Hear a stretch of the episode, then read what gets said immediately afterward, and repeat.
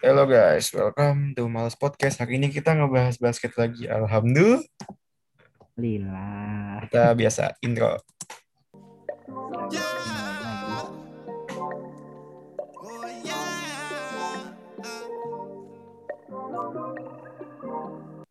Ya intinya kita kita pakai intro ya lama-lama. Gue nggak kena copyright. BTW hari ini banyak sekali kan games-games NBA. BTW gue hari ini sebenarnya banyak gak nonton tau. Lu tau gak sih tadi tadi pagi itu gue apa yang nyobain bubur yang apa bubur palapa bubur palapa tau gak lu? nggak tahu. Aku tidak tahu. Aku kudet. BTW suara lu suara lu kejauhan deh coba lu majuan sedikit aja. Kenapa? Kenapa? Nah, udah aman aman aman. Ya kita kita akan membahas game apa nih? Kita mau membahas apa? Apa dan siapa? Di mana? Anjay, keren banget sekarang gue. Nah, kita bahas game Wizard. Eh, kita bahas game Detroit Piston aja lah yang banyak diomongin. Yap, Detroit Pistons mimpi buruk bagi tim-tim besar NBA. Bentar. Dan sekarang korban terbarunya Celtics. Ya, Celtics. Celtics yang kita tahu juga lagi apa eh, nggak apa ya Bagus, bagus banget sih. lagi kurang bagus juga kan maksud gue ba- banyak lagi kurang bagus lah istilahnya Celtics beberapa minggu ini minggu-minggu ini lagi kurang Hmm. bagus lah Lagi banyak trouble sih dalam gameplay dia. tapi menurut lu Mungkin. lu, lu gue tuh pengen nanya sama lu kapan terakhir kali lu ngelihat Blake Griffin ngedang kapan Black Griffin ngedang. Terakhir gua ngeliat udah lama banget kan tahun lalu kayaknya deh. Tahun lalu gak sih musim lalu? Udah lama. bubble lah. Sebelum bubble. udah lama banget cuy kita nggak ngelihat Blake Griffin ngedang asli Udah tua sih yang tuh orang. tapi ini suara lu kejauhan tadi udah bener suara lu udah bener dia agak majuan coba Nih, nih, nih, nih, nih, nih, bos. ya kita udah lama banget ya nggak ngeliat apa Blake Griffin ngedang kayak gila akhirnya Black Griffin ngedang lagi mungkin karena mungkin Emang tadi dia ngedang? Kagak ada ngedang cuy dia. Eh ada ngedang gak sih? Gak ada ya? ngedang sekali cok Emang dia ada ngedang hari ini? ada coba aja nonton di highlightnya Emang ada ngedang ya? Ada sekali deh quarter 3 Ya udah tuh bodo amat dah. salah lihat Tapi kita kita kita ke gamesnya bahwasannya hari ini eh, Detroit Pistons ada tadi three pointnya Sadik Bey di clutch time quarter 4 yang benar-benar steal the game menurut gua. Steal the game tadi. Ditambah juga Sadik Bey, Sadik Bey hari ini mainnya lagi bagus banget. 30 points walaupun dari Celtics juga sebenarnya nggak jelek Jason Tatum on his perform juga 33 poin juga. ya Tapi ya gua rasa di sini faktor faktor kewangian yang menentukan. Faktor enggak menurut kewangi. gue menurut gue ya eh, Celtic bisa kalah karena seperti yang gue bilang nggak ada maestro di lapangan. Coba lu main nonton highlightnya. Gameplay Celtics itu kayak takut-takutan kayak ah, dia tuh cuma ngarahin bola ke Jason Tatum Jason Tatum. Dan itu ngebuat ritmenya nggak bagus itu kayak bola cuma ngalir ke Jason Tatum terus ke Jalen Brown itu tuh doang. Harusnya nih ini tuh kan tim apa ya tim Celtics ini eh, pemainnya nggak nggak jelek-jelek banget kan maksudnya ada Tristan Thompson, Jeff Green gitu dan ini tuh bukan pemain-pemain yang jelek-jelek banget gitu bukan pemain-pemain dari role player gitu tapi Kan mungkin kan Celtics nih udah berapa game ini nggak main sama Marcus Smart, nggak ada Kemba juga. Eh Kemba, Kemba itu kalau nggak salah kemarin masih main ya waktu ngelawan eh ngelawan Raptors dia main gak sih Kemba? Gue lupa. Wait a second. Kemba, Kemba itu kemarin masih main loh lawan Raptors cuma nggak tahu kayaknya ini simpen ya. disimpan kayaknya soalnya game selanjutnya Celtics itu bakal eh Hmm. ah, sorry, sorry, sorry. Ngelawan Ada salah satu dia- tim tim yang nyusahin tim-tim gede juga Wizards. Wizard Gue gue nggak bilang disimpan buat itu sih Also continuing our mock NBA draft here on CBS Sports. Eh, itu ngapa suara gue? Anjir, gue lupa, gue lupa, gue lupa nutup video anjir. Sorry sorry. Lagi share screen dia Eh, tapi emang emang tetap. Oh iya gue lupa ya. Gue, masih share sound suara. Ya dibiarin deh. ya gimana ya mungkin karena di Celtics ini gue bilang seperti biasa ya yang gue ulang beberapa kali nggak ada maestro di lapangan nggak ada kayak yang ngatur ritme game gitu Jason Tatum itu masih belum bisa loh. Tapi gue takut gini, Chat. Jason Tatum bakal jadi LeBron kedua. Enggak lah. Tatum ya Tatum lah. Bukannya LeBron. Lu jangan semua pemain lu Enggak. samain kayak LeBron. Bukan, bukan, bukan dari bukan dari ini ya. Menurut kayak dari kayak cara dia bermain kayak lu lihat deh, semua bola bakal ngalir ke Jason Tatum saat itu. Dan sama kayak LeBron pas masih di Cleveland. Jadi cuma LeBron yang bakal bersinar di tim itu. Tapi kan Dan kita nggak boleh lupa juga Celtics ini kan banyak pemain-pemain ini juga kayak Jalen Brown maksud gue yang Iya, yang gue takutin ini chat. Yang gue takutin adalah saat Jalen Brown itu ada di posisi kayak Kyrie yang mau dia jadi superstar. Enggak lah kamu- Celtics menurut gue masih tim yang benar-benar work as together. Maksud gue worknya masih kerjasama masih kuat gitu. Enggak enggak cuma ngandelin entah itu Kemba, Jason Tatum, Daniel Tice, or siapa. Ini masih tim yang tim yang masih kerjasamanya kuat itu ya gimana ya? Gue kalau ngeliat sih ya nggak gitu-gitu juga sih. emang hari ini eh, emang bukan game yang bagus ya maksud gue buat Boston Celtics karena mereka three point-nya lagi bau. Bau. Bau. Karena ditambah juga free throw mereka hari ini sebenarnya dua tim ini sama-sama dapetin 30 kesempatan nembak free throw tapi Celtics cuma bisa masukin 22 sementara dari Pistons 25 ya emang lagi lu ngerti gak sih ada momen di mana tim itu lagi jelek? Dan Ada. Pasti adalah semua semua semua tim pasti bakal ada posisi kayak Dan gitu. menurut gue semua tim gede itu kalau nggak tahu ya mungkin Detroit Pistons kenapa ya gue nggak tahu kayaknya kalau ketemu tim-tim gede ketemu Detroit Pistons kayak kayak kenapa ya kayak lagi lagi kayak bau-bau semua kayak Lakersnya kan Lakers juga sempat kalah kan ketemu Detroit Pistons Iya, pernah sempat kalah. Emang kalah karena Detroit Pistons ini tuh kayak dia tuh kayak ngelawan tim yang sejajar sama dia. Ya kayak dia nganggap kayak biasa aja gitu. Tapi saat dia bermain sama tim yang di atas lebih jauh, gue bisa bilang ya, Detroit Pistons kalau dibanding sama Lakers itu jauh. gila lu Bener. kali ngadi Eh, ya udah mungkin mungkin Lakers. mungkin mungkin aja sebenarnya musim ini yang juara itu sebenarnya NBA udah milih Pistons cuman karena eh, undiannya kegesek dikit ya makanya sobek-sobek undiannya Dah, dah, dah. Kita kita jangan bahas konspirasi. Kita ngebahas games yang games games games games apa? Dallas Mavericks. Dallas Mavericks ini anak benar-benar. Kenapa lu nggak pengen ngebahas OKC? Gue nggak mau. Itu lah OKC sama Nuggets. Ya udah, ini kenapa nih? Dallas sama New Orleans Pelicans di mana Luka Doncic, yo, Luka Doncic 46 poin. 46 poin. Tapi dia tahu gak sih ini pertemuan dua rookie yang sama-sama diunggulkan. Dan ini Iya, yang gue ini- tahu. Cuma Dan ini Luka Doncic, loh. iya, Luka Doncic, iya. Luka Doncic. Luka Doncic gila, Bos. Maksud gue dia musim ini nunjukin bahwasannya I want to be MVP. Ya mungkin dia nunjukin lah kayak ya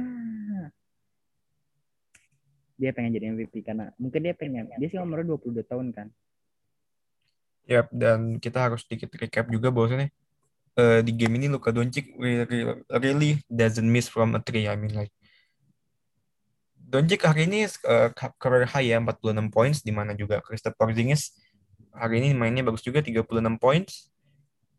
Dan bisa overcame Zion Williamson yang hari ini juga lagi dapetin career bestnya 36 points. Eh sebenarnya bagi gue ya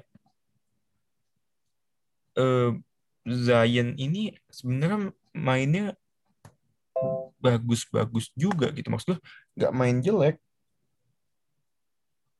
Eh, tapi gini loh Seth. Eh, gimana gue nyebut ya kalau lu jadi kalau lu gue tanya lu milih Giant apa Luka? Ya luka lah. Ini real ya? mungkin lu kenapa? Karena kenapa kenapa? gue udah beberapa kali sempet nontonin Luka waktu dia main di main di Madrid beberapa kali kayaknya singkat gue sebelum dia pindah ke nggak tahu ya sebelum dia pindah ke Dallas apa sudah dia pindah ke Dallas gue sempet kayak nonton beberapa kali pertandingan dia di Madrid kalau nggak salah waktu dia masih main nama Campaso Euro Euro Eropa apa Euro Euro. basket gue juga sempet nonton juga waktu dia ngelawan eh, Serbia apa apa gitu maksud gue emang Luka Doncic itu ya different dan gue rasa Luka Doncic ini ya wajah barunya NBA. Iya, kalau gue lebih pilih ke Zion. Kenapa?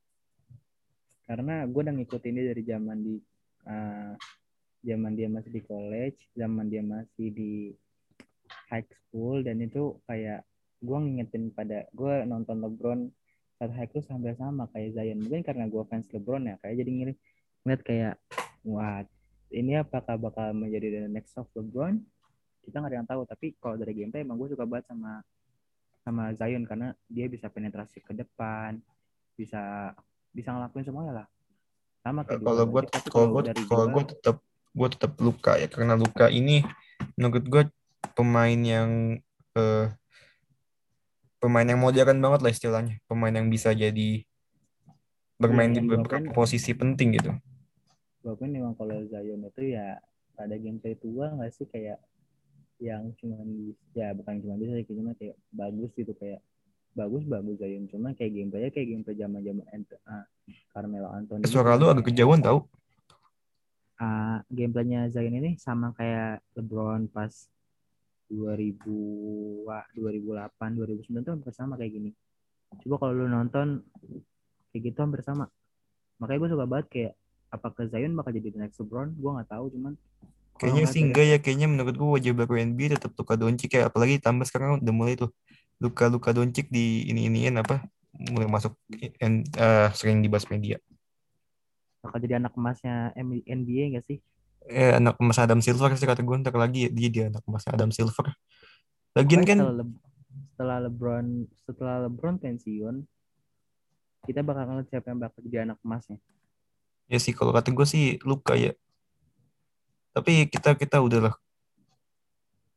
Kita ke games selanjutnya ada yang dibantai nih. Eh Iya. Atalanta Hawks dibantai Spurs. Balik balik. Hariku Akhirnya cerahku, Spursku menang. Sempat beda leading 39 points buat eh nyaris 40 poin tadi ya. Eh sempat 40 sempat 40 nggak sih gue lupa. Nanti gue bilang nanti gue bilang leading 40 points takut ding takut salah lagi gue tapi enggak gue hari ini pertama gue hari ini seneng ya. Kenapa gue seneng? Selain Spurs menang karena ditayangin di video.com. Enggak dong itu itu kesenangan bagi gue karena gue sebagai pelanggan video.com ya. Wahai video.com aku pelangganmu gue sebagai pelanggannya video.com itu kan akhirnya bisa nonton Spurs di aplikasi resmi nggak mesti buka link haram. Haram. Ting haram guys. Ya, tapi kayak Spurs ini tuh bakal jadi kuda hitam gak sih? Bukan bukan bakal. Ya menurut gue tiga tim yang musim lalu nggak playoff nih dan musim ini menurut gue bakal kuda hitam al- alias mengganggu tim-tim gede di Western ya bagi gue itu Spurs, eh, Phoenix Suns sama Sacramento Kings sih kalau kata gue ya yang kira-kira bakal jadi kuda hitam dan mengganggu mengganggu tim di Western. kalau di Eastern Eastern udah kebaca sih otakan lu Wizard Detroit Brooklyn Nets nggak Ya. kan yang kan yang gue bilang yang yang musim lalu nggak ikut playoff ngadi-ngadi tuh. tapi kan emang siapa ikut playoff dari itu Detroit ya ya kalau misalkan kuda hitam yang menurut gua di Western juga Portland Portland Port- Portland Blazers juga kuda hitam ya. Tapi kan yang tadi gue bilang bosan yang yang yang nggak ikut playoff musim lalu. Kan eh gue tadi nyebut Detroit Wizard. Enggak lah Detroit iya. itu Detroit itu tim tim tim papan bawah dia. Kagak ada ding mengganggu. Malahan nih kalau buat gue ya gue boleh bilang itu eh pasti Chicago. Charlotte Hornets. Menurut gue Chicago Charlotte Hornets sama Hawks aja sih kalau kata gue tim kuda hitam di Eastern ya. eh kalau kalau Hawks harus masuk sih parah banget Dan oke kita kita ngebahas Spurs sebentar. Eh, di Spurs hari ini eh, bahwasannya gue ke Spurs dulu ya hari ini. I think dibilang easy win gak juga, enggak dibilang hard win gak juga. juga. Tapi eh, apa yang gue suka hari ini? Bahwasannya Dejounte Murray dan Derek White eh, switch mereka di saat defense benar-benar gak tergantikan. Dan hari ini juga eh, si center Spurs Jacob Potzel juga bagus juga mainnya karena perannya penting banget hari ini. 12 rebounds lalu dia adanya bikin tiga blok sama tiga steal dan mungkin yang menjadi negatifnya atau warningnya eh, eh, mungkin ya tapi kan tadi Popovic di kuat akhir akhir pertandingan di kuarter keempat kan juga makanya pemain lapis keberapa itu nggak tahu gue. Gue nggak nonton sama sekali sih tapi gue cuma mau ngomong shout out ke ya lu mau lanjut mau lanjut Spurs ya Enggak ini gue ke Hawks dulu. Gue Ke cuma Hawks. Juga John Collins kenapa main kayak gini Enggak tapi sebelum sebelum gue ngeliat itu eh field goals percentage mereka atau field goals made mereka hari ini jelek banget dan gue rasa ini eh, salah satu hasil dari apa ya kuat eh, apa ya rap- rapetnya defense-nya Spurs gitu. Ngerti nggak? iya mungkin tapi Spurs itu apa ya Eh, dia tuh menurut lu dia tim ofensif apa defensif sih? Tim yang balance? balance aja sih kalau kata gue maksud gue gue nggak pengen bilang Spurs defensif ya karena mereka saat ofensif ya maksud gue masih hot gitu. Maksud gue masih nggak tahu ya gue rasa Popovich udah menemukan kalau dulu kan Popovich itu suka banget tuh pakai Tony eh, pemain-pemain power forward dibuat seolah-olah jadi kayak guard atau ya we know lah. Dan gue rasa itu dia mulai Popovich itu sekarang mulai ngerubah peran power forward di tim dia. Kayak Calvin Johnson sekarang mulai suka berada di luar atau apa ya maksud gue suka ya gitu maksud gue Popovich udah mulai ngerubah. Nggak nggak Kayak ngerubah nggak ngerubah banyak sih tapi ya emang he still he still one of the best lah dan Ah, kuncinya itu kan juga sebenarnya kekuatannya eh, kehebatannya Spurs di defense beberapa game terakhir kan juga membantu banget mereka agar bisa kayak mereka sekarang di peringkat ke Spurs itu sekarang peringkat ini ya peringkat 6 ya. Menurut gue ini juga ada shout out ke defense mereka. Bagus banget. Defense mereka sekarang udah mulai bagus tau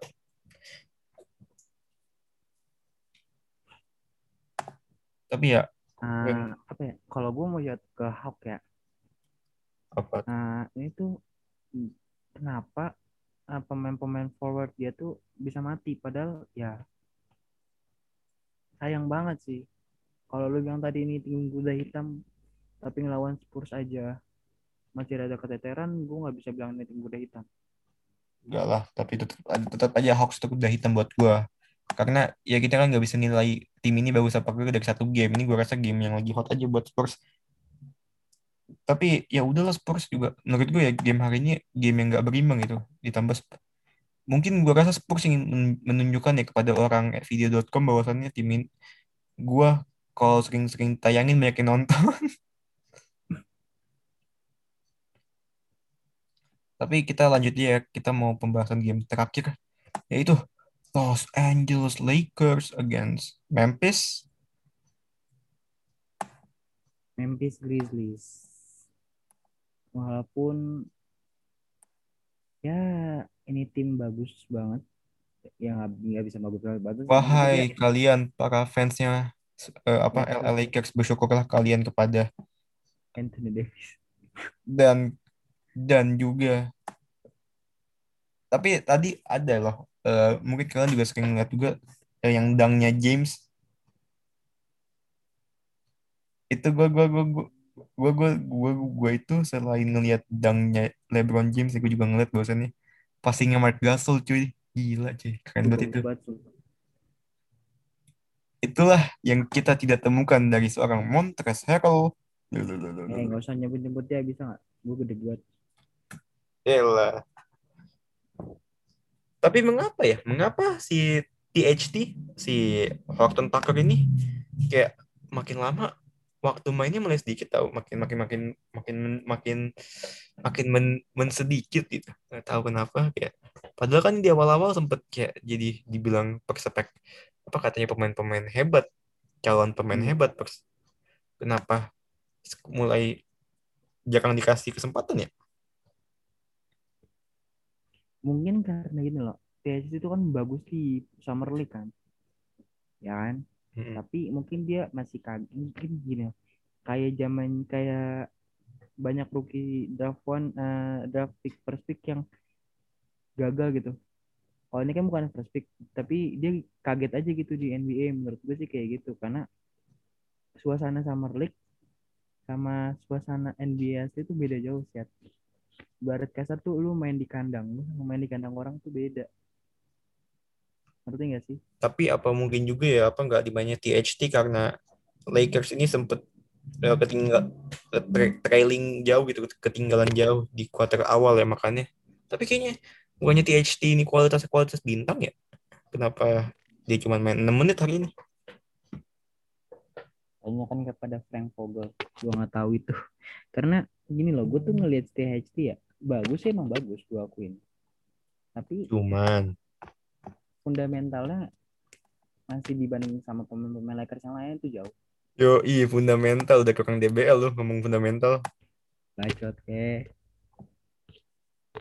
ya mohon kepada apa kepada siapa Hayu Pada DBL semoga dijalankan dalam tahun ini ya Allah. Udah latihan terus tuh. ya kita kita kita berharap DBL cepat mulai ya ngapain ngomongin DBL sih ngomongin NBA cuma btw kita hari ini nggak terlalu ngebahas banyak ya karena kita recordnya malam banget ini jam berapa Jam setengah jam 11 kurang. lu sih gue ajakin record record agak agak apa agak sorean gak mau Capek aja.